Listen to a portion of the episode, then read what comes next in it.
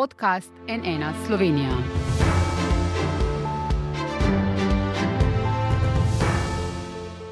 Dober dan, to je NN studio. Nadaljujemo s predvolilnimi soočenji, ki jih boste lahko na NN spremljali vse do dneva odločitve 24. aprila. Danes v studiu pozdravljam predstavnike štirih strank. Z nami so Aleksandra Pivec, naša dežela, Goras Knific, Piratska stranka, Uroš Macel, Vesna, Zelena stranka in Marko Balažic, Povežimo Slovenijo. Dobar dan vsem. Dobar dan. Dobar dan. Če začnemo z najbolj aktualno temo, videli smo prizore v začetku tedna, cene goriv so rekorde, ljudje so v kolonah čakali na benzinskih servisih. V ponedeljek vlada odločitve glede ukrepov še ni sprejela, čaka, kakšno odločitev bodo sprejeli evropski voditelji na vrhu danes in jutri v, v Versaju v Franciji. Eh, po besedah premija Janše bo potem jasno, ali bo tudi Evropska unija, tako kot že prej ZDA in Združeno kraljestvo, sprejela odločitev o prekinitvi uvoza nafte in zemljskega plina iz Ruske federacije. Mene zanima, kaj naj naredi vlada pri blaženju tega, ali naj ponovno uh, uvede regulacijo cen naftnih derivatov. Kaj bi naredili vi, gospa Pivec? Ja, pravzaprav je vlada z uh, enim interventnim zakonom reagirala v začetku podraževanja teh uh, energentov, uh, ampak kot vemo, smo priča seveda veliko težji situaciji, kot je bila mogoče nekaj tednov nazaj. Um, ne glede na to, da smo, bom rekla, nekako predvsej, bom rekla, zdravo ali pa uspešno zaključili COVID krizo, seveda sledi naslednja kriza z vojno med Ukrajino in Rusijo in seveda te težave in tudi podražitve energentov, ki seveda ne bojo samo na strani energentov, ampak tudi prehrana se počasi draži, postaja problem seveda prehranske neoskrbe ne ali pa omotene. Ja, se bom, eh, ampak eh, seveda eh, tukaj je ključno, da v tem trenutku sledimo enotnosti evropske odločitve, zato se strinjam, da vsekakor vsekakor potrebno počakati na to, ali bo Evropska unija skupaj odločila uh, o odločitvi, katero ste omenili. Uh, v mestnem času pa seveda poiskati vse možne alternativne kratkoročne rešitve, ki bojo seveda lahko na voljo, vkolikor bo Slovenija primorana odločitve sprejemati tudi izven okvirja Evropske unije. Je to ponovna regulacija cen goriv? Prav gotovo je prvi korak k temu regulacija cen goriv. Gospod Knific. Eh, ne bi se osredotočil na regulacijo cen goriv, namreč uh, mislim, da so škare in platno v rokah države že vse čas. Vsaki pogleda račun ne, in ko vidi, kakšne so trošarine, kakšni so prispevki, recimo za elektriko, kjer um, znesek uh, porabljene energije ponovadi je manjši od uh, dejanskih prispevkov, mislim, da država bi kadarkoli lahko dobesedno prepolovila ceno energentov, če bi bil to njenem interesu. Za Evropsko unijo se lahko dogaja samo v kompenzacijah za take ukrepe. Uh mhm. -huh. Gospod Macar. Definitivno cene, kakršne so, bojo vplivali na cene na kmetijstvo, na gospodarstvo in vse. In če bo šlo ne slabše, jaz mislim, da država mora posežiti in regulirati. Sicer uh, bo to na nek način rezultiralo v inflaciji, povišanju cen in uh, bolje blažiti prej, je pa potrebno počakati mogoče še za skupne odločitve Evrope in v vsakem primeru iskati najboljše odločitve za Slovenijo. Mhm. Gospod Baležic. Jaz bi mogoče tukaj stopil korak nazaj in rekel, da smo zdaj le sicer na grozen način dobili upomnik, da dolgoletna energetska politika Evropske unije ni bila prava. Preveč smo odvisni od samo enih držav in zdaj smo, bom rekel, dobili priložnost, da se začnemo resno pogovarjati o tem, kako bomo razpršili te vire in na kak način bomo živeli tudi v prihodnosti. Zdaj le, kar se nam dogaja po drugi strani, razpisov je ogromno. Eh, za gospodarstvo, za zeleni pre, prehod, za digitalizacijo in to so vse načini, kako lahko mi poskrbimo zdaj, da se stvari v prihodnosti ne dogajale, da se stvari v prihodnosti ne bodo dogajale. Kar si je pa treba, veste, tukaj se je pa treba tudi naliti čistega vina, ne dogaja se dvig cen zaradi regulacije ali pa deregulacije, kot mogoče nekateri opozicijski poslanci zdaj trdijo, ampak se to dogaja zaradi Ukrajine in ruske invazije na Ukrajino. Gre za neko začasno stanje, upamo, in tukaj je zdaj pomembno, da na ravni Evropske unije reagiramo močno, skupaj, zato da damo vedeti drugim, da kaj je sprejemljivo in kaj ni sprejemljivo, kaj je demokratično, kaj ni demokratično. Ta odziv nujno prinese zato, da bomo morali tudi potrpeti. Pa vendarle je treba dati na tehnico, je 10 centov dražja cena goriva, primerljiva s ceno enega ukrajinskega življenja. In ko si bomo to nekako razčistili pri sebi, potem bomo šli lahko tudi naprej. Vsekakor pa dosedanja politika, Evropska energetska unija so stvari, ki ne funkcionirajo, kot bi morale funkcionirati, in to je stvar, na kateri moramo pač graditi naprej. Glede na to, da je vlada uvedla že energetske bone, digitalne bone, turistične bone, gospod Balažic, ne, sledijo morda tudi boni za to? Jaz si tega ne upam napovedovati, vendar pa, kakor dojemam zdaj le poteze vlade s temi voucherji, se daje vse napore v to smer, da se proba oblažiti neke pogoje za stanja, ki so začasna. Seveda, s tem kupimo čas, da mi lahko v mestnem času naredimo tako imenovano domačo nalogo, da prilagodimo določene procese, ki so netrajnostni. In žal, pri energiji so procesi netrajnosti. Slovenija je v 55 odstotkih odvisna od uvoza ruskega plina. Kaj smo mi naredili do zdaj, da bi to stvar presekali oziroma da bi ravnali drugače, se pa seveda dobro vprašati. Bomo kakšno o tem rekli še v nadaljevanju. Gospod Knific, se vam zdi problematično, da vlada toliko problemov rešuje z boni namesto s sistemskimi rešitvami? Slišali smo, ne, da gre v bistvu za kupovanje časa, kot pravi gospod Balažic. Res je, kot sem že prej omenil, država bi lahko že vplivala na cene z zmanjšanjem svoj, svojih zahtev, mislim, kar se trošarin tiče. Elektriki so zmanjšane trošarine. Ja, Za tri mesece jih ni. Če dovolite. Ni samo elektrika, ne? tukaj so tudi uh, drugi energenti. Um, tiče voucherjev, do zdaj, kar smo voucherje videli, v bistvu gre za pretakanje državnega denarja k določenim večjim podjetjem v državi, uh, sami uporabniki. In torej- posameznikom tudi. In posameznikom, ja. Ampak predvsem tukaj ne gre, ljudje niso dobili, tudi točno v tem pri elektriki. To pomeni, da tisti, ki so vodili nespametno energetsko politiko, te uh, elektrodistribucijske omrež podjetja, so dobila zdaj nagrado, ko je, da še vedno po istih cenah. To pomeni, oni so namesto, da bi delali zaloge, tako kot so določena podjetja delala in niso rabila zdiga cene, so svojo nespametno politiko bila rešena strani države ki jim je z voucherji omogoča, da njihovi, njihove stranke še vedno kupujejo lahko elektriko pri njih, namesto da bi se preselili k drugim ponudnikom. Gospod Macaral, je problem, da se denimo energetski boni financirajo iz podnebnega sklada? Absolutno. To je nevzdržno in nedopustno. Veste, zakaj bi mogel biti ta sklad. In ravno politika do sedaj nas je pepeljala v takšno obriko, odvisnost od tujih virov.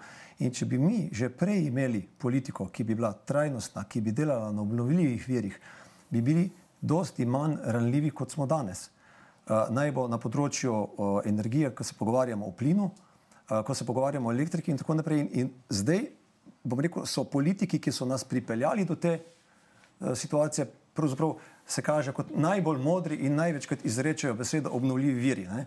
Po drugi strani pa nam ponujajo neko uh, rešitev, ki v praksi je pa seveda to uh, jedrska, pa se po drugi strani pogovarjamo o uh, plinskih terminalih, oboje vemo, da na dolgi rok in na kratki rok rabimo rešitve.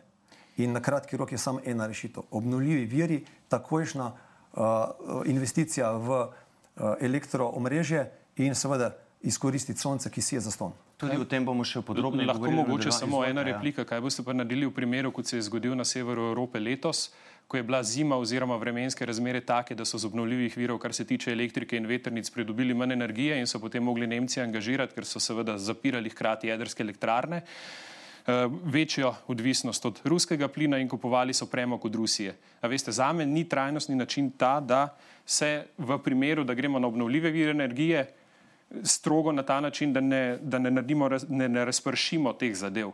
Ker če smo preveč odvisni od enih zadev, potem pridemo v situacijo, ker na koncu, ko nastane kriza, spet delamo tisto, kar smo, čemu smo se hoteli izogniti. In to je neka stvar, ki, ki bi jo mogli premisliti resno. Na kratko, gospod Macaral, potem gospa Pivec. Ne govorimo o popolni odvisnosti od obnovljivih virov. Govorimo o tem, da ima Slovenija najboljše možnosti za obnovljive vire, ima največjo površino streh na prebivalca v Evropi. Pomen, kar se tiče sonca, imamo najboljše možnosti in najslabši izkoristek obnovljivih virov v, eh, v Evropi, kar je sramota za politiko do zdaj. In zdaj, če rečeš, da je treba vlagati v to, dobiš tak, tak vprašanje. Mislim, mi smo še daleč, daleč od tega, da bomo Glejte, odvisni že- samo od obnovljivih virov. Že pred, pred leti je bilo veliko načrtov tega, da se vlaga v mikroelektrarne, eh, manjše hidroelektrarne, hid- hidrocentrale, pa je zmeri nastal problem z umeščanjem v prostor in podobnimi zadevami. Te stvari so jasne, te stvari so zunaj. Če se ne motim, je bilo potrjenih že nekih 100 predlogov, oziroma je bilo podanih tak- na takratno ministrstvo 100 predlogov, pa se v 15 letih ni spremenilo, ravno zaradi takih pomislekov, kot jih pa moj kolega izpostavlja. Gremo zdaj še, gospe Pivec, eh, vaš pogled na to in reševanje problemov z boni. Jaz se strinjam z razmišljanjem gospoda Macerla, da je Slovenija zamudila mnogo korakov pri načrtovanju vlaganj v obnovljive vire, rabo obnovljivih virov energije. Delno se strinjam tudi z gospodom Balažicem, ki seveda govori, da Slovenija na tem področju seveda ne more biti samo zadostna in da so tudi vremenski pogoji seveda takšni. Če že samo pogledamo izrabo veterne energije, o kateri se veliko govori, da je Slovenija ne koristi, tukaj prav, pravzaprav Slovenija nima pogojev, pogojev, kot jih imajo severne države, s katerimi se pogosto primerjamo, že po jakosti in pa tudi, bom rekla, po uh, uh, možnosti na to, da se računa na stalnost tega vetra. Uh, zamudili smo seveda veliko na sončnih virih, rabi sončnih virov uh, in prav gotovo ne pozabiti na to, da smo tretja najbolj goznata država na svetu. Uh, in tukaj seveda ne govorimo o rabi lesa, ampak o rabi gozne biomase, uh, pri čemer smo prav tako, bom rekla, veliko v zaostanku za tistimi državami, ki to vrsto energije torej spretno izkoriščajo. Govorimo o malih eh, hidroelektrarnah, o hidroelektrarnah na spodnji Savi in tako naprej. Dejstvo pa je, eh, da tukaj tudi, kot je bilo omenjeno, potrebujemo veliko bolj stabilna in pa seveda primerna omrežja. Eh, tudi tukaj smo naredili nekaj, bom rekla, eh, prepočasnih korakov in seveda bo potrebno to hkrati eh, oboje investirati in seveda na tem področju narediti nekaj hitrih korakov naprej. In dejstvo je, da seveda to ne ne bo zadovoljilo energetskih potreb Slovenije. Če lahko govorimo o rabi v gospodinske namene, ja, če pa govorimo v, o rabi v eh, gospodarstvo, pa seveda bo to veliko premalo. In tukaj bo Slovenija, kot tudi Evropska unija, seveda morala narediti veliko. Eh, premislekov o tem, kako na srednji in dolgi rok to energetsko odves, odvisnost od vzhodnih držav, od Rusije in pa, bom rekla, Ukrajine, seveda čim prej zmanjšati in postati na tem področju čim bolj uh, samozadostni. Če se za hip vrnem še k gorivom, ne, gospod Baležic, vi pogodbeno sodelujete z gospodarskim ministrom uh, Počivalškom. Je bila torej liberalizacija cen goriva, za kar se je vse čas že v prejšnjih vladah zauzemal prav gospod Zdravko Počivalšek, napaka? Ne, nikakor ne. Jaz pravim, kot sem že omenil prej, tukaj gre za veliko demagogije in nabiranje političnih točk zdaj le v predvolilni kampanji na ceno ukrajinskih življenj. Žal ne morem drugače reči. Liberalizacija cen ni bila napaka, kjer, kjer imamo pa veliko težav v Sloveniji, pa to, da imamo preveč nekih monopolov, ki seveda delajo parcialno. Ne? In nihče se zares ni ukvarjal s temi monopoli. Liberalizacija cen je le eden izmed korakov, da se s temi stvarmi lahko začnemo ukvarjati. In ko bomo mi te probleme rešili, potem nam bo vsem bolje. Ne pa, da vi gledamo velike državne monstrume, ki morajo investirati v določene zadeve in potem ugotavljamo, da recimo iz, eno izmed velikih energetskih podjetij, ki prodaja elektriko, kupuje mogoče podcenjeno elektriko pri, iz jedrske elektrarne in jo prodaja potem naprej. Veste, drugo državno podjetje pa plačuje več. Take stvari se nam ne bi dogajale, če bi bila pravila trga jasno določena in se bojim, da nas tukaj čaka še kar precej dela v Sloveniji. Odkimavate, gospod Macel? Ete, kaj je ta liberalizacija trga povzročila? Prav gotovo nič dobrega. Ker uh, tu pogledamo, takoj so se začeli dvigati cene in uh, če mi pričakujemo, da bo uh, konkurenca med njimi povzročila to, da bomo imeli mi nizke cene, je to utopično. Oni se še kako znajo dogovoriti in držati pravo ceno. In tudi v tem trenutku, recimo, verjetno prečujemo previsoko ceno, ravno za izgovorom vojne v Ukrajini in zato, da ima kdo, nekdo večje dobičke. Gospod Knific. Ja, um, cene so se vzdignile tako, ker je prišlo do liberalizacije. Načeloma je to čisto kontraproduktivno, verjetno na namen eh, zakonodajalca oziroma ministra. Um, če minister misli, da je izgovor to, da pač obstajajo neki. Uh, deležniki na trgu, ki so zlorabili njegovo odločitev, mi smatramo to dejansko za strokovno napako. Torej, pomen, preden ti sprejmeš nek ukrep, je moš jasno preveriti danosti, kakšne so na trgu in kako se bo na njih odzval.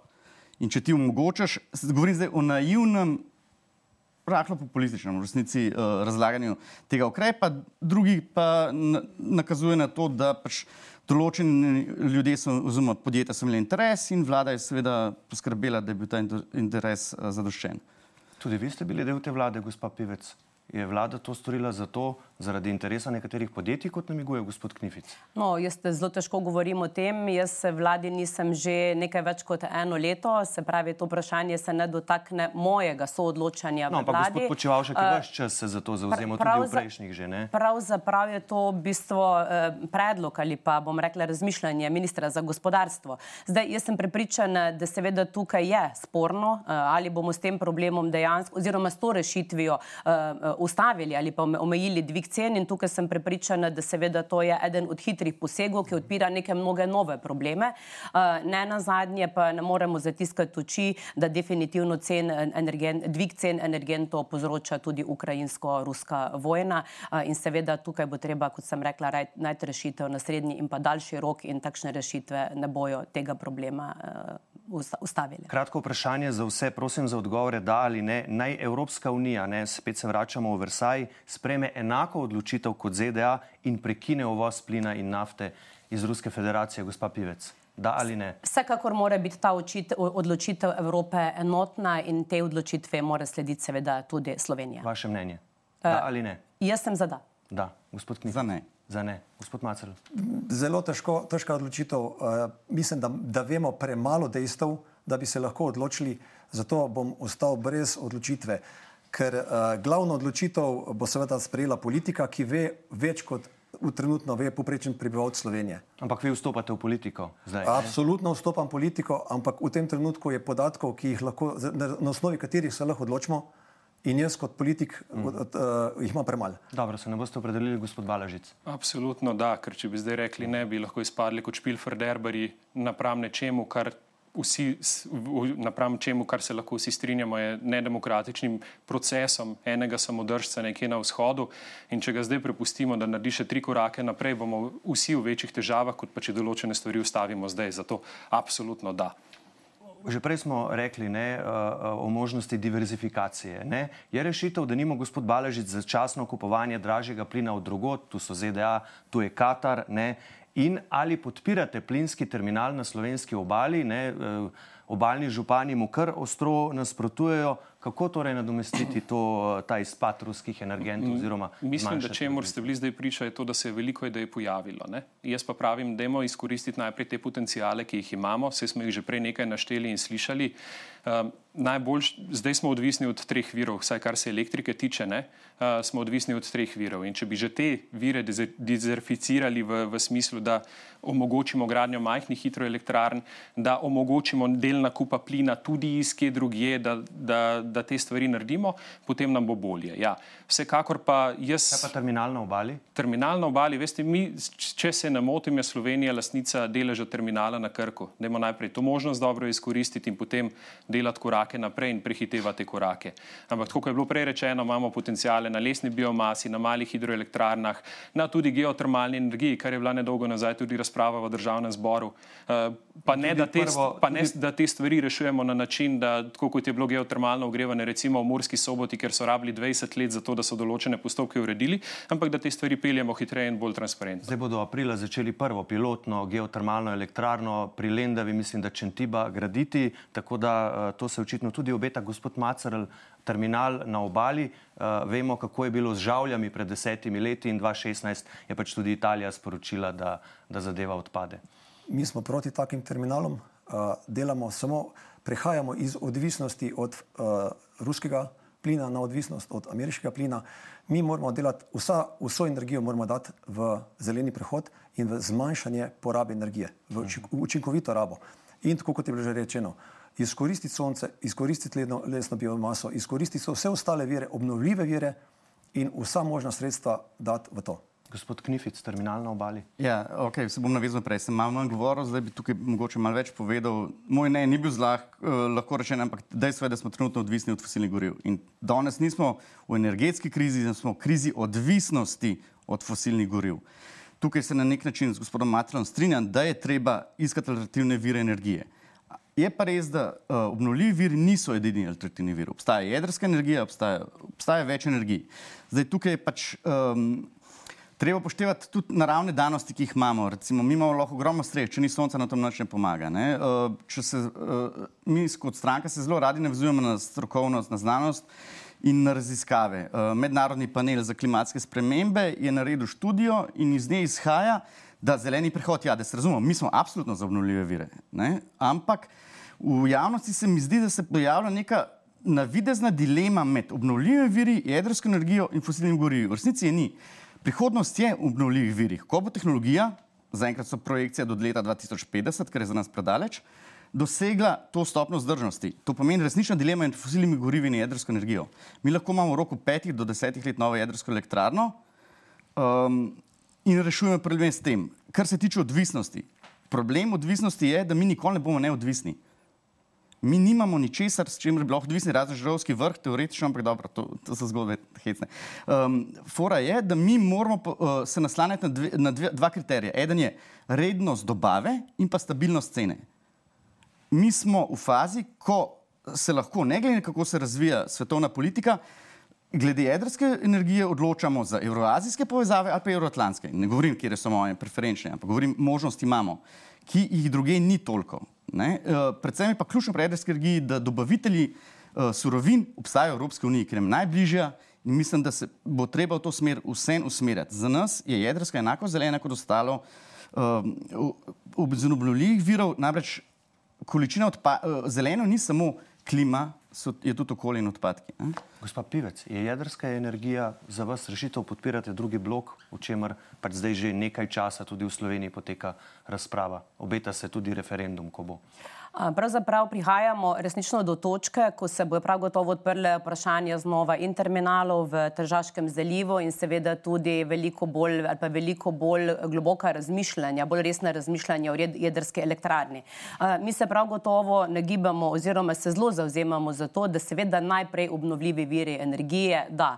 Ampak od ta del obnovljivih virov energije, o katerem smo govorili do sedaj, torej voda, sonce, veter in pa uh, biomasa, seveda nikakor ne bojo zadostili potreb Slovenije, predvsem v tistem ne, gospo, ne, ne gospodinskem, ampak gospodarskem delu. In tukaj se strinjam, uh, da tudi jedrsko uh, energijo seveda je treba pripisati k tem, bom rekla, dost varnim in pa trajnostnim uh, virom energije. Uh, in prav gotovo bomo kmalo na točki, ko bomo razumeli, da brez drugega bloka jedrske elektrarne, uh, seveda bo Slovenija težko na daljši rok postala energijsko neodvisna in se bomo seveda znova kmalo srečevali z vprašanjem, vprašanji ali pa za situacijami, kot smo jim priča danes.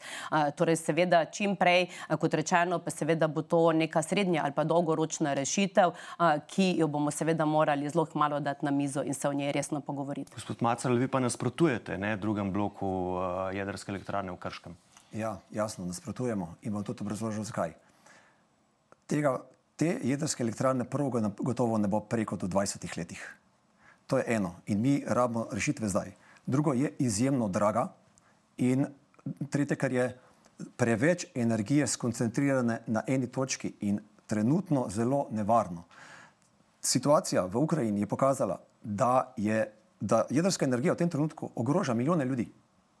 Če pride do človeka, ki hoče narediti jedrsko nesrečo, nobena z, z, dosedanja varnost uh, teh jedrskih elektrarn ne bo zdržala.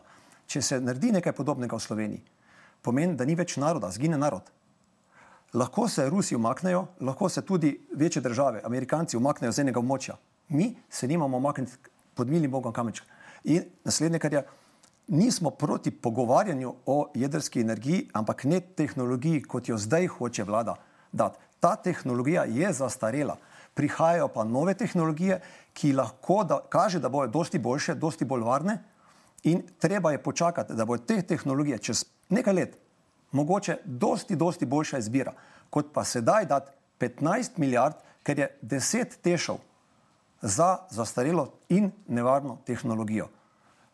Potreba je po korakih in prvi korak, mi imamo izjemno slabo ožilje, pomeni naš elektroomrežje. Najprej damo denar tja, tam bo delala slovenska delovna sila, denar bo ostal doma. Če delamo uh, na nuklearki, ves denar gre v tujino, eno ogromno korupcijsko tveganje, mi pa imamo izjemno slabo ožilje, po drugi strani nam pa, kot sem že rekel, sonce sije za ston. Po korakih in gremo najprej narediti tisto, kar je v tem trenutku potrebno. Jedrska energija, pa takšna kot je zdaj, ni dopustna. Gospod Balažic. Jaz bi bolj namenil tukaj eno drugo vprašanje. Kaj boste naredili v primeru, če zaprete jedrsko elektrarno Krško, prvi blok, um, kot sem že prej rekel, večina slovenske električne energije, to se pravi nekje v 85 odstotkih smo samo zadostni, prihaja iz treh virov in tretjina prihaja iz jedrske elektrarne. Kako boste čez noč nadomestili tretjinski izpad? Nismo rekli, da bomo zaprli.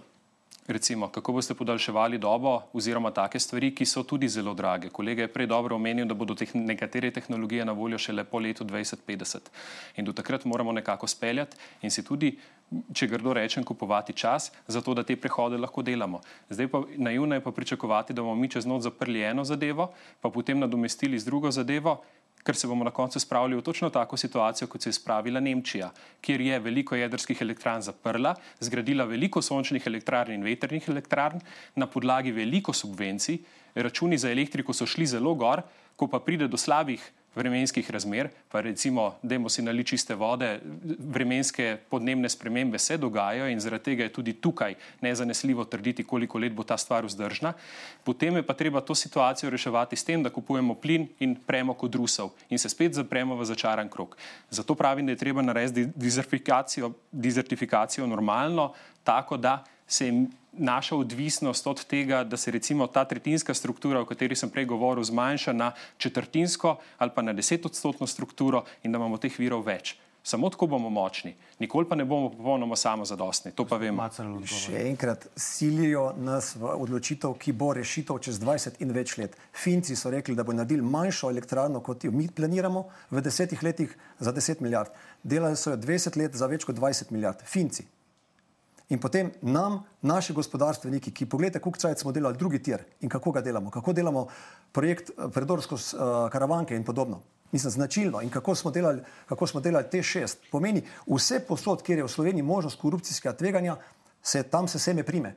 In to je idealna priložnost in po istem receptu nam prodajajo nuklearko, kot so nam prodajali tež. Ampak kje so rešitve, gospod Macerl, da ne pride recimo do redukcij, če po zimi vemo, da imamo tu ogromno meglenih dni. November, december, januar, sonce je nizko, je šipko, lahko nas prekrije megla za cel mesec. Kaj Se, potem? t, ja, tako kot smo govorili, o teh enih tretjinah iz različnih virov, seveda ta, ta, ta zadeva mora biti. Ne moramo mi reči, da bomo dobili vso energijo iz sonca. Tako, tega nikoli nismo trdili. Ampak iz sonca se da danes že marsikaj delati. Dela se vodik, shranjuje se energija in te tehnologije zdaj prihajajo. In tako kot sem rekel, nismo proti pogovoru o jedrski energiji, ampak ne tehnologija, kot je sedaj, in ne na način, na katerega se pogovarjamo sedaj. Poglejte, uh, mi se v bistvu pogovarjamo o, o, izjemno veliki investiciji na način, da ni odprte javne razprave. Ko ni jasnih številk, lahko mogoče še eno.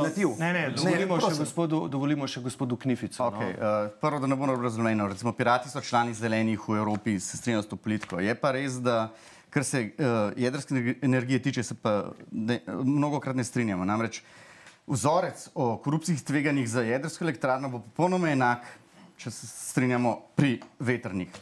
Potem, če se pogovarjamo zdaj o sami ekologiji, je treba, poš, uh, je treba poštevati, da um, ni samo energija, je tudi nasnaževanje. Recimo, uh, Zdaj bom malo dolgočasno s podatki, ampak 30 tisoč ton materijala potrebujemo za jedrsko elektrarno, 3 milijone ton potrebujemo, za, uh, da bi to vetrnic postavili. Potem potrebujemo 30-40 km površine, da dosežemo 1500 MW, enakovredna jedrska uh, spravi v smerje. Da ne govorimo uh, v, v, v mreže, da ne govorimo o stabilnosti tega vira, Ne? In pa potem o odpadkih. Namreč to, tukaj se pa strinjamo, počakati treba, da bo četrta generacija dejansko operativna, s tem, da oplodni rea reaktori že delujejo ruski eh, in uporabljajo odpadke in um, francozi že zdaj reciklirajo odpadke in jih uh, kurijo. To pomeni, da ta famozni strah pred odpadki, ki v resnici, če pogledamo, ker sem prej omenil vetrnice in uh, voltaiko, resnica tega je, da ima življenjsko dobo 25 let. 3 milijone ton odpadkov v 25 letih. To je čist neekološko v resnici. Na drugi strani bojo te bazeni, če recimo uh, elektrarne, najstarejše so zdaj 70 let stare, recimo naša bo 40.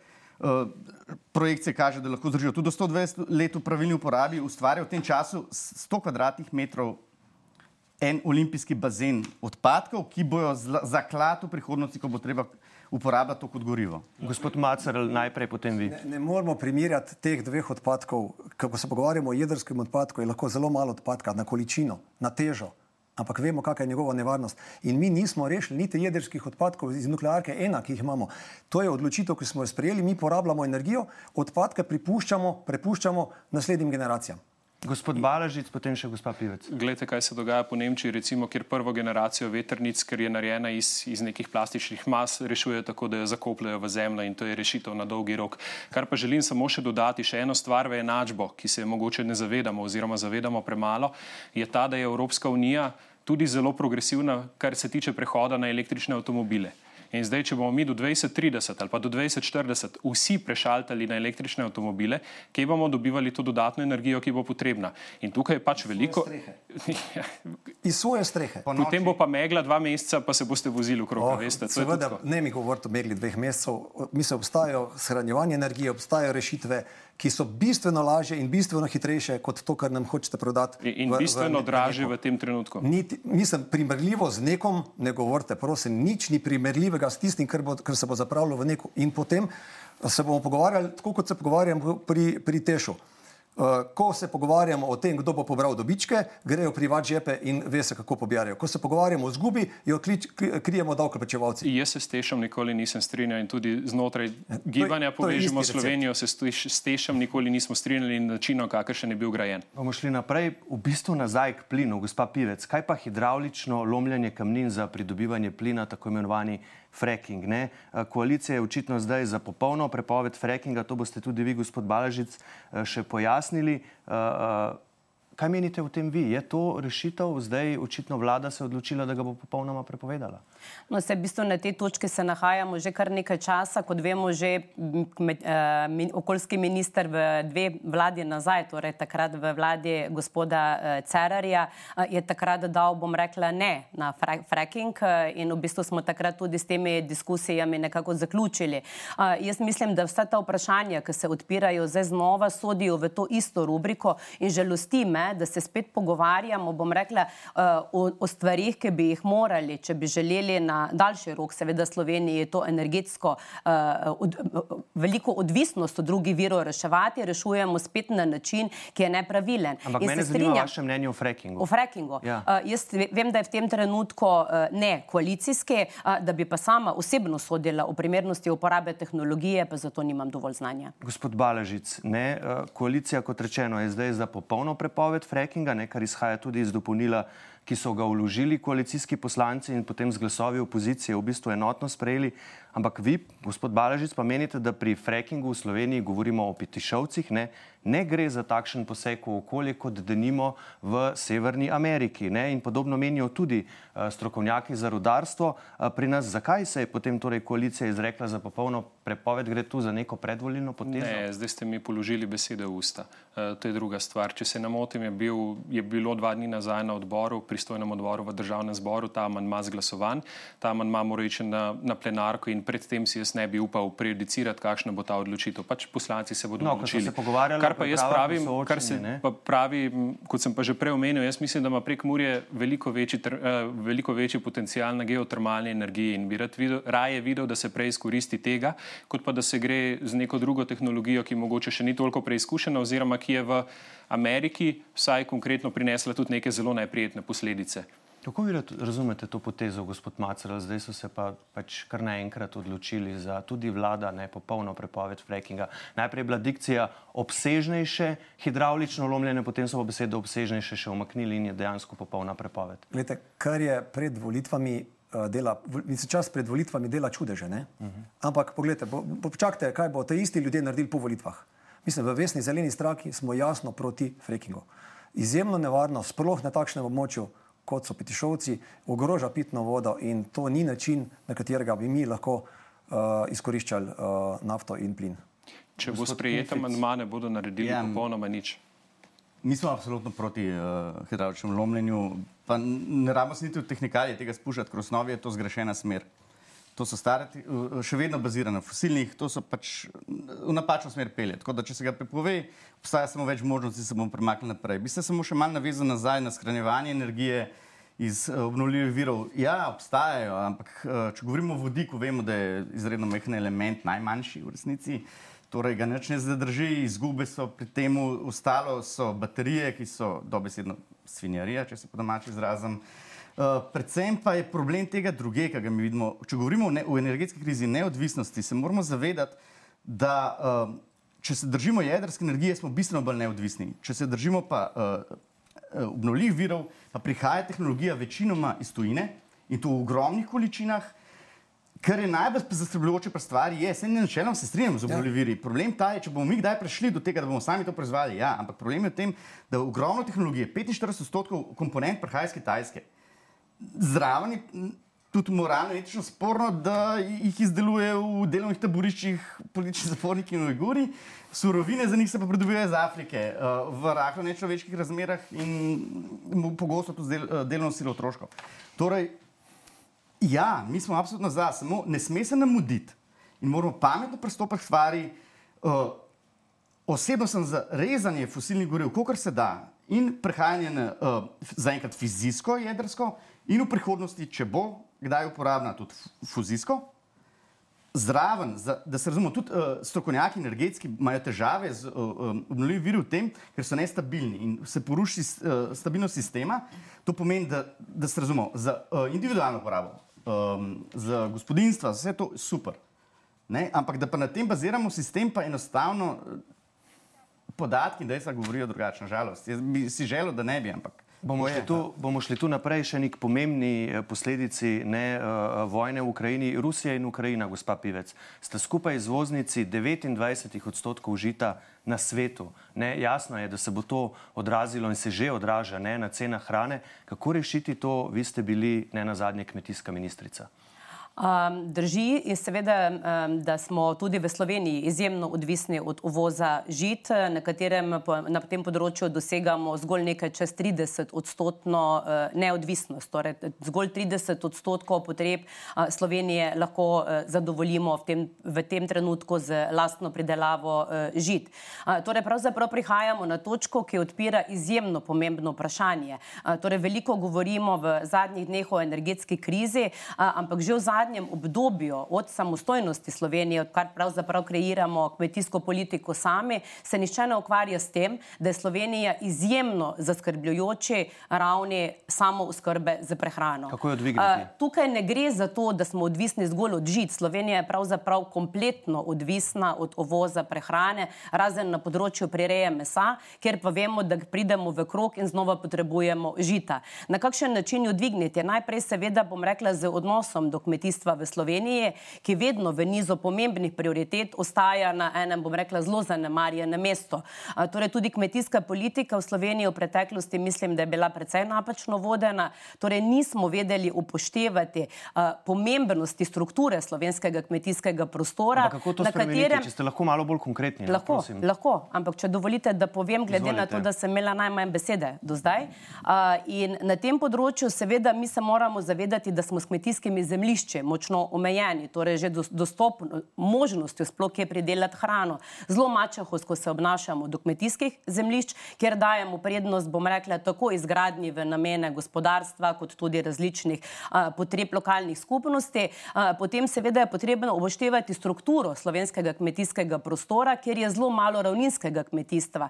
Torej, kje je rešitev iz ravninskih delov Slovenije omakniti živino, rejo, hribovska območja in seveda tam pustiti rastlinske rastlinsko pridelavo z sodobnimi tehnologijami, tako rastlinjake, rabo geotermalne energije, o kateri smo govorili, in predvsem narediti veliko korakov naprej na področjih, na katerih smo izrazito deficitarni, eh, to je predvsem eh, rastlinska pridelava, kamor seveda sodijo tudi žita. Gospod Knific, je to realno? Vaši predlogi? Nisem velik strokovnjak za kmetijstvo, smo bolj tehnološki stran. Ampak tako realno, če gledamo, danes se je v medijih pojavilo, da Španija in no, uh, Nizozemska bosta najbolj na udaru uh, zaradi uh, pač uvoza iz Ukrajine, v bistvu pomankanja uvoza iz Ukrajine. Govorimo pa o dveh najbolj intenzivno kmetijskih državah, verjetno v Evropski uniji, poleg uh, Francije. Torej, količina pridelane hrane očitno ne vpliva toliko na samo skrbo. Mi absolutno za samo skrbo, jasno, eh, ne toliko zaradi količine, ki predelam, predvsem zaradi kvalitete.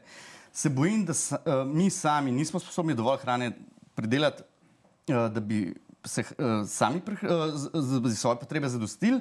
Sveda je možno, ampak mislim, da smer prava glede tega je, da hrana je nažalost um, postala dobrina, tako na finančnih trgih, kjer so bile že pobude, da bi se trgovanje s hrano prepovedalo, v bistvu del, uh, pre, prekupčevanju, in pa v uporabi hrane. Mi ogromno hrane zavržemo.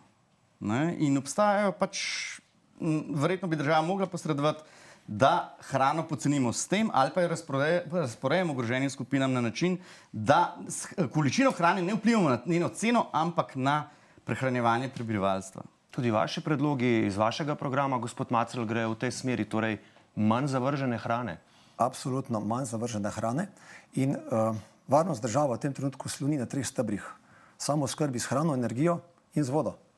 In uh, tukaj se strinjam z gospod Pivčevo, mi imamo izredno slabo samoskrbo in izredno malo orne, kvalitetne orne zemlje. Ampak odnos do te zemlje, odnos politike, gospodarstva v preteklih letih je pa katastrofalno slab.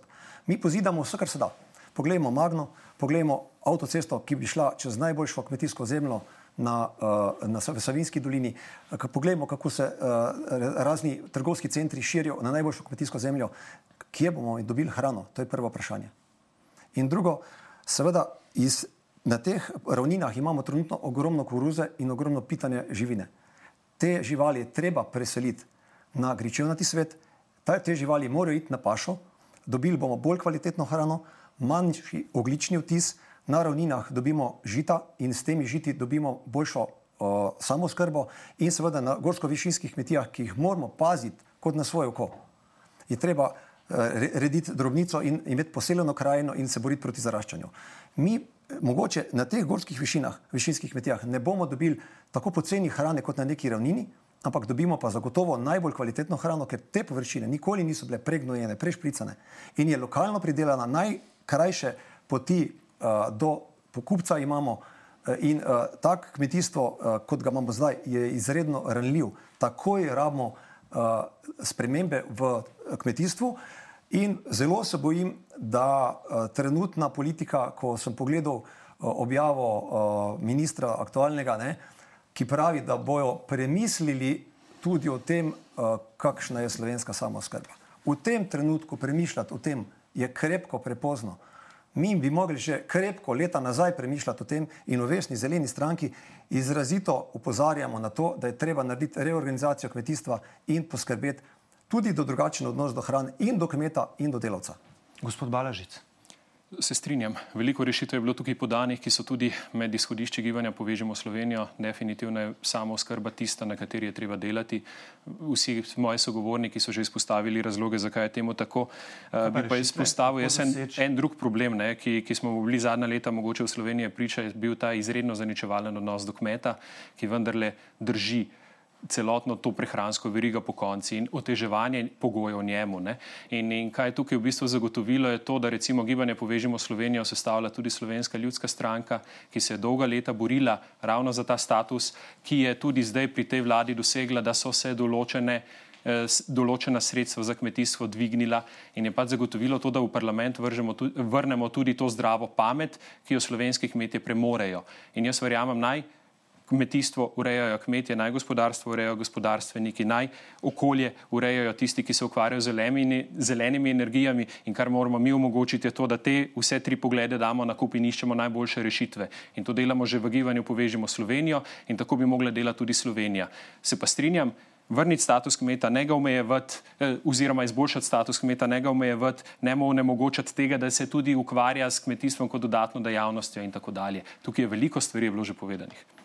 Gospod Macer, vaša stranka je v bistvu najmlajša od teh, ki ste trenutno prisotni v studiu. Vaše potencijalne voljivce zanima, ali imate odgovore tudi na druga relevantna vprašanja, ali je pri vas fokus predvsem na okoljevarstvo, ne, kot vas je v tej začetni fazi prepoznala slovenska javnost. Ali imate odgovore na vprašanja z področji, kot so kultura, zunanja politika, zdravstvo? Imamo, pogledajte našo, naš, našo spletno stran. Mi smo stranka, ki je najprej naredila temelje, napisala svoj program, napisala na svoj etični kodeks, se ustanovila in potem prišla ven. In pri nas je program javen in napisan. Ima več stebrov in med tem seveda tudi zdravstvo, tudi gospodarstvo, tudi zunanja politika in ne izključno samo zelena politika. Ampak se zdi, Je da je vse skupaj vse- neločljivo Je pa povezano seveda okoljem. ne? neločljivo povezano v tem trenutku in vsak dan bolj. Uh, Aktivistka Nika Kovač, s katero ste sodelovali, gospod Macel, pri, pri referendumu o zakonu o vodah, je ob ustanavljanju vaše stranke dejala, citiram, da se ne strinjate glede vprašanja enakopravnosti spolov, socialnih politik, kapitalizma, cepljenja, LGBT enakopravnosti, splava in da je bila marsikomu med vami bližje Nova Slovenija kot pa inštitut 8. marec. Zdaj v programu imate točko o pravicah LGBT oseb, torej da razčistimo zdaj ste po vrednotah bližje Novi Sloveniji ali inštitutu 8. marec? Oh, prosim, lete, eh, zelena stranka, vesna zelena stranka, pa še na levo stran političnega pola. Ta izjava, še predno je vesna sploh ustanovljena, res ne vem, iz kje izhaja, ampak mi se v času referenduma, z cela skupina, ki je peljala referendum o politiki in o čemrkoli drugem, nikoli nismo pogovarjali. Zato je mene ta izjava izjemno začudila in tudi to, da smo mi ponudili pogovor z njo, pa ga potem ni bilo. Ampak nas to ne zanima. Mi nas ocenjujejo po naših dejanjih. Poglejte, kaj počnemo zadnjih 20 let, kdo smo, koliko energije, volje, truda in poštenosti smo vložili, da smo prišli do te točke. Brez nahrtnikov, brez slabih predznakov in uh, za prazno blagajno, kar pomeni, nikomor nismo, od nikomor nismo nič dobili in nikomor nič ne dolgujemo. In prišli smo samo zato, da popeljemo to Slovenijo na bolj pošteno in bolj, boljšo pot za prihodne generacije. In kar se tiče LGBT-ja in kar se tiče uh, pravice do splava in vsega tega, to so popolnoma jasni odgovori v vesni. Mhm. Gospa Pivec, vaš program uh, ima zgolj nekaj točk, človek ga prebere dobesedno v nekaj minutah. Se vam zdi to dovolj za neko resno stranko? No, jaz se s tem sploh ne strinjam, ker vi našega programa še niti niste prebrali, niti slišali, Na niti videli. Na strani naše države imate zavihek program. Dovolite, da odgovorim? Tam, ne, ne, samo da pojasnim. Ja. Tam imate zavihek program in tam imate vrednote, ki so tri točke, imate vizijo, ki je 16 točk in deset zaves. In, in če zelo pozorno preberete, tam piše, da so to programska izhodišča iz ustanovitvenega kongresa. Torej, stranka Naša država ima programski kongres 24. marca, uh -huh. a, kjer bomo predstavili naš predvolilni program. A, program je pripravljalo 13 strokovnih skupin, torej 13 strokovnih odborov, v katerem sodeluje manjši del stranov članke, stranke in pa večji del strokovnjakov iz različnih področji. Torej, pripravljamo program za 13 različnih različnih področji. Program bo imel zelo jasna stališča, zelo konkretne reforme, začenši z reformo šolskega sistema, reformo zdravstva, reformo socialne politike, seveda tudi izjemno pomembnim delom za nas, reformo kmetijstva, o katerem smo danes govorili in tudi slišali, da zahteva korenito spremembo v razmišljanju. In ne zgolj, bom rekla, populističnega govorenja o dvigu samo oskrbe, o čemer se v Sloveniji pogovarjamo pravzaprav že 30 let, za samo oskrbo pa ostajamo na istem nivoju.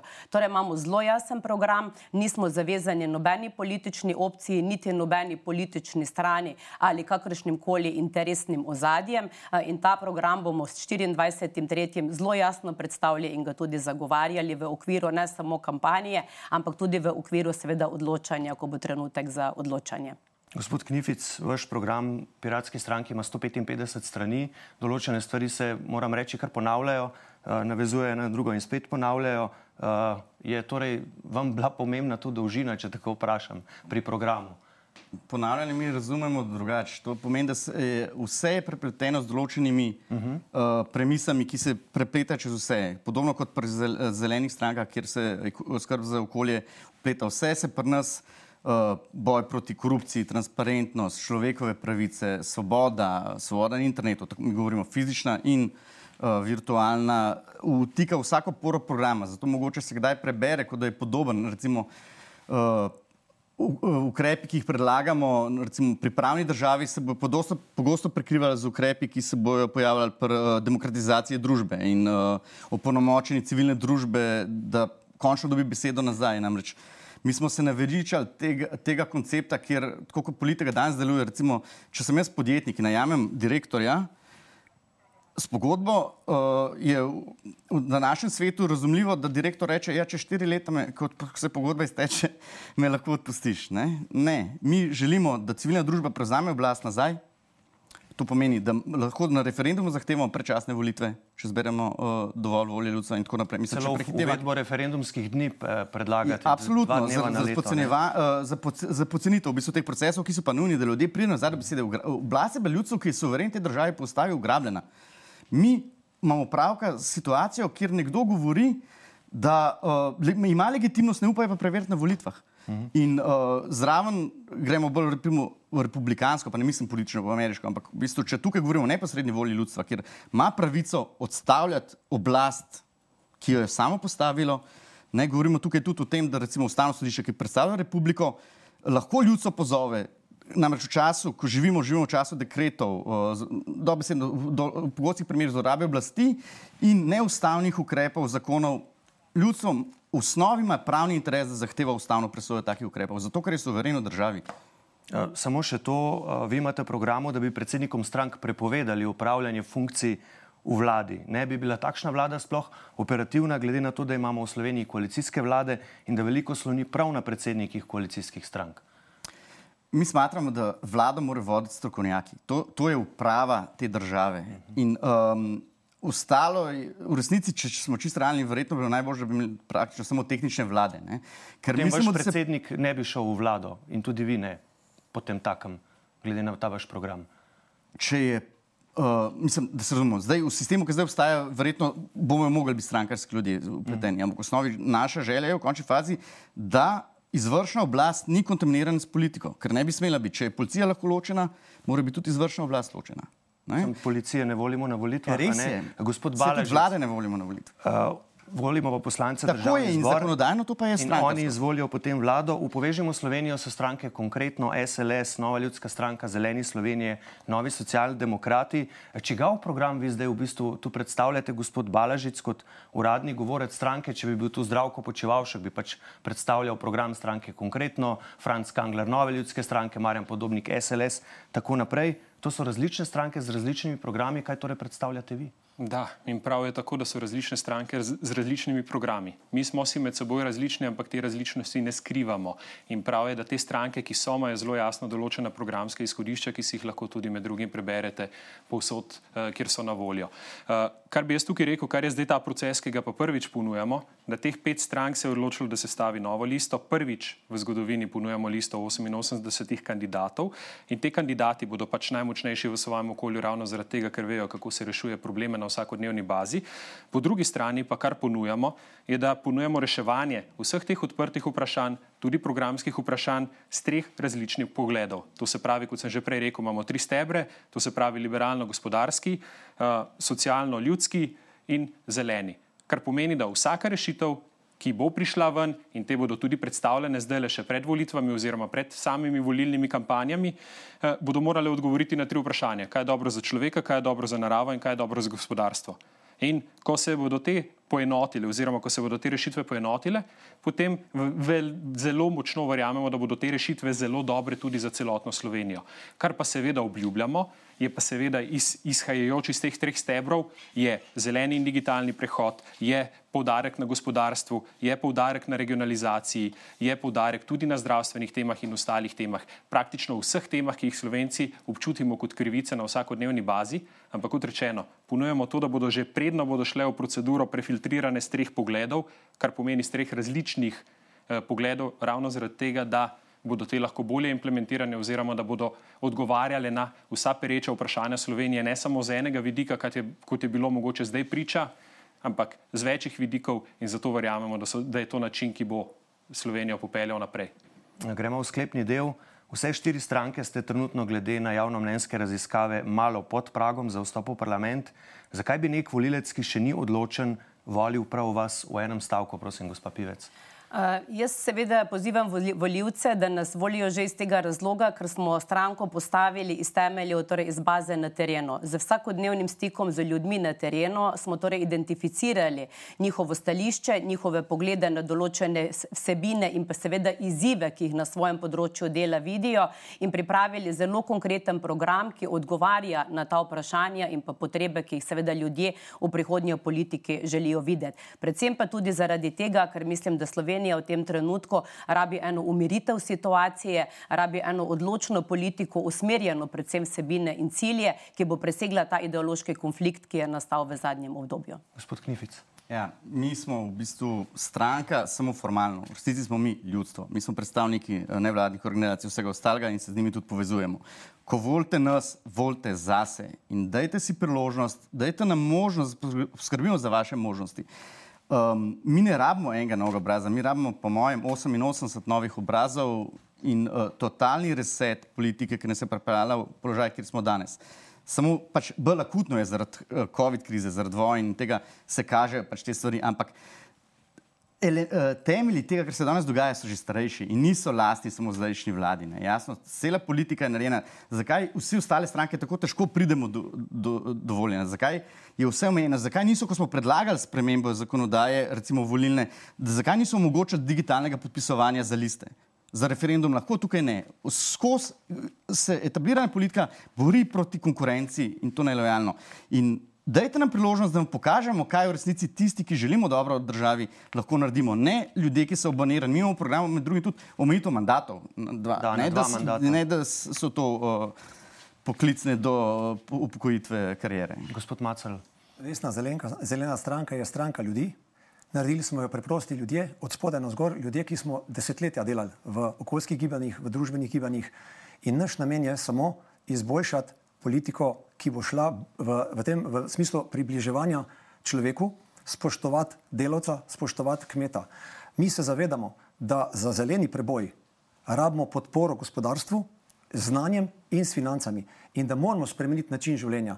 Ogromno obljub smo v prejšnjih volitvah slišali, kako se zavedajo ranljivosti narave, ranljivosti okolja, kako ga je treba ohraniti za naslednje generacije. In, eh, ogromno obljub. Ampak dejstvo je, po volitvah, prvič, ko zašu, zašumi denar, je narava, okolje in zdravje človeka na zadnjem mestu. In mi prihajamo zato, da te, te razmerja obrnemo in da varujemo okolje za naslednje generacije. Gospod Balažic. Mi pa za razliko od tega, od mojih sogovornikov ne govorimo o tem, kje, uh, kaj ne moremo in če se ne moramo, pa govorimo o tem, kaj lahko naredimo. In verjetno edini od tukaj ponujemo vizijo Slovenije, kjer bo delo človeških rok cenjeno, kjer bo to delo ne bo puščalo odtisa na naravo in kjer bomo poskrbeli za tiste, ki ne bodo morali poskrbeti sami zase. In to je v bistvu vizija, zakaj nas bodo tudi ljudje volili na volitvah, Pa še en, en komentar mi dovolite. Um, najboljša javnomnenjska raziskava so volitve. In verjamem, da boste po datumu volitev marsikateri zelo presenečeni, kakšni rezultati se bodo pojavili. Zdaj, male stranke, ki pridejo v parlament, so pri nas, glede na volilni sistem, kar pogosto jeziček na tehnici, ne, in je na koncu v bistvu od njih odvisno, kakšna bo vlada, glede na trenutne ankete. Eh, sta najverjetnejša možna mandatarja dva, to sta Janez Janša na eni strani, Robert Golob na drugi strani za zdaj. Kdo od njiju je vaši stranki oziroma listi v tem primeru bližje, oziroma ali s kom od njiju ne bi šli gospod Balažic? To je tako klasično in, in vprašanje in mogoče floskola na trenutke. Uh, ne, bom, ne, bom se, ne bom se opredeljeval glede tega. Uh, mi smo rekli, sposobni smo se pogovarjati z vsakim. Tako kot se v listi smo se sposobni pogovarjati med seboj, med zelo, zelo različni ljudje med seboj. In to je nek dokaz, da se da premikati stvari naprej na bolje. In tudi po volitvah se bomo pogovarjali z vsakim seveda pa dogovorili s tistim, ki bo spoštoval ta tri temeljna načela. Ne? Tako kot sem prej rekel, delo človeških rok cenjeno, ne sme puščati vtisa na naravo in moramo poskrbeti za tiste, ki si ne morejo pomagati. Tisti, ki ima s tem probleme, oziroma ima probleme tudi z ustavno ureditvijo, s takim malo teže. -huh. Gospod Macal. Lete, mi temeljimo na našem programu. In tisti, ki se strinjajo z našimi programi in s tistim, kar imamo napisano v programu, s tistimi lahko delamo. Dejstvo pa je, da je v slovenski politiki kar nekaj takih, s katerimi zaradi tega, ker se ne strinjajo s temi osnovnimi načeli demokracije, varstva okolja, narave uh, in socialnih pravic, enakosti ljudi in uh, ne bomo mogli delati. Želimo si delati z, poštenim, s poštenimi ljudmi, ki imajo vizijo narediti to politiko bolj priljubljeno, bolj pošteno. In uh, če me sprašujete o, o obeh dveh, kar se tiče gospoda Janše, prav gotovo za enkrat vse, kar je pokazal z njim, ne moremo je to vlado. Kar se tiče gospoda Goloba, ne vemo, ampak zaenkrat niti njegovega programa nismo prebrali. Zato je to odgovor, ki ga ne morem dati. Najraje z nekom tretjim. Uh mhm. -huh. Gospod Knific. No, če je bil tukaj omenjen program, uh, program odraža naše vrednote. Naše vrednote so zelo jasne. Svoboda, ustavna ureditev, spoštovanje pravne države. In vsi, ki spoštujejo te vrednote in jih v praksi uporabljajo, ne samo govorijo o njih, kot je tukaj recimo omenjeno, uh, recimo s kolegom na skrajni desni, da trenutno. Ni, nisem skrajno desni. Kolega, ne, na moj skrajni desni. um, jasno kažejo, kako delujejo. To pomeni, golob, gospod Golob je potencijalna opcija, jasno, bomo videli, kako pač se bo profiliral, kakšen bo program. Stranke, ki so trenutno v oblasti, so pokazale, da nobeni od teh vrednot ne spoštujejo. Torej, z njimi pač ne moramo sodelovati. Gospa Pivec. Torej, jaz se bom pa navezala na vaš zadnji stavek. Ljudi to zelo zanima. Jaz mislim, da se zelo motimo vsi skupaj, če mislimo, da ljudi v tem trenutku zanima to, da se mi izrekamo, kdo bo s kom stopil v prihodnjo vlado ali ne.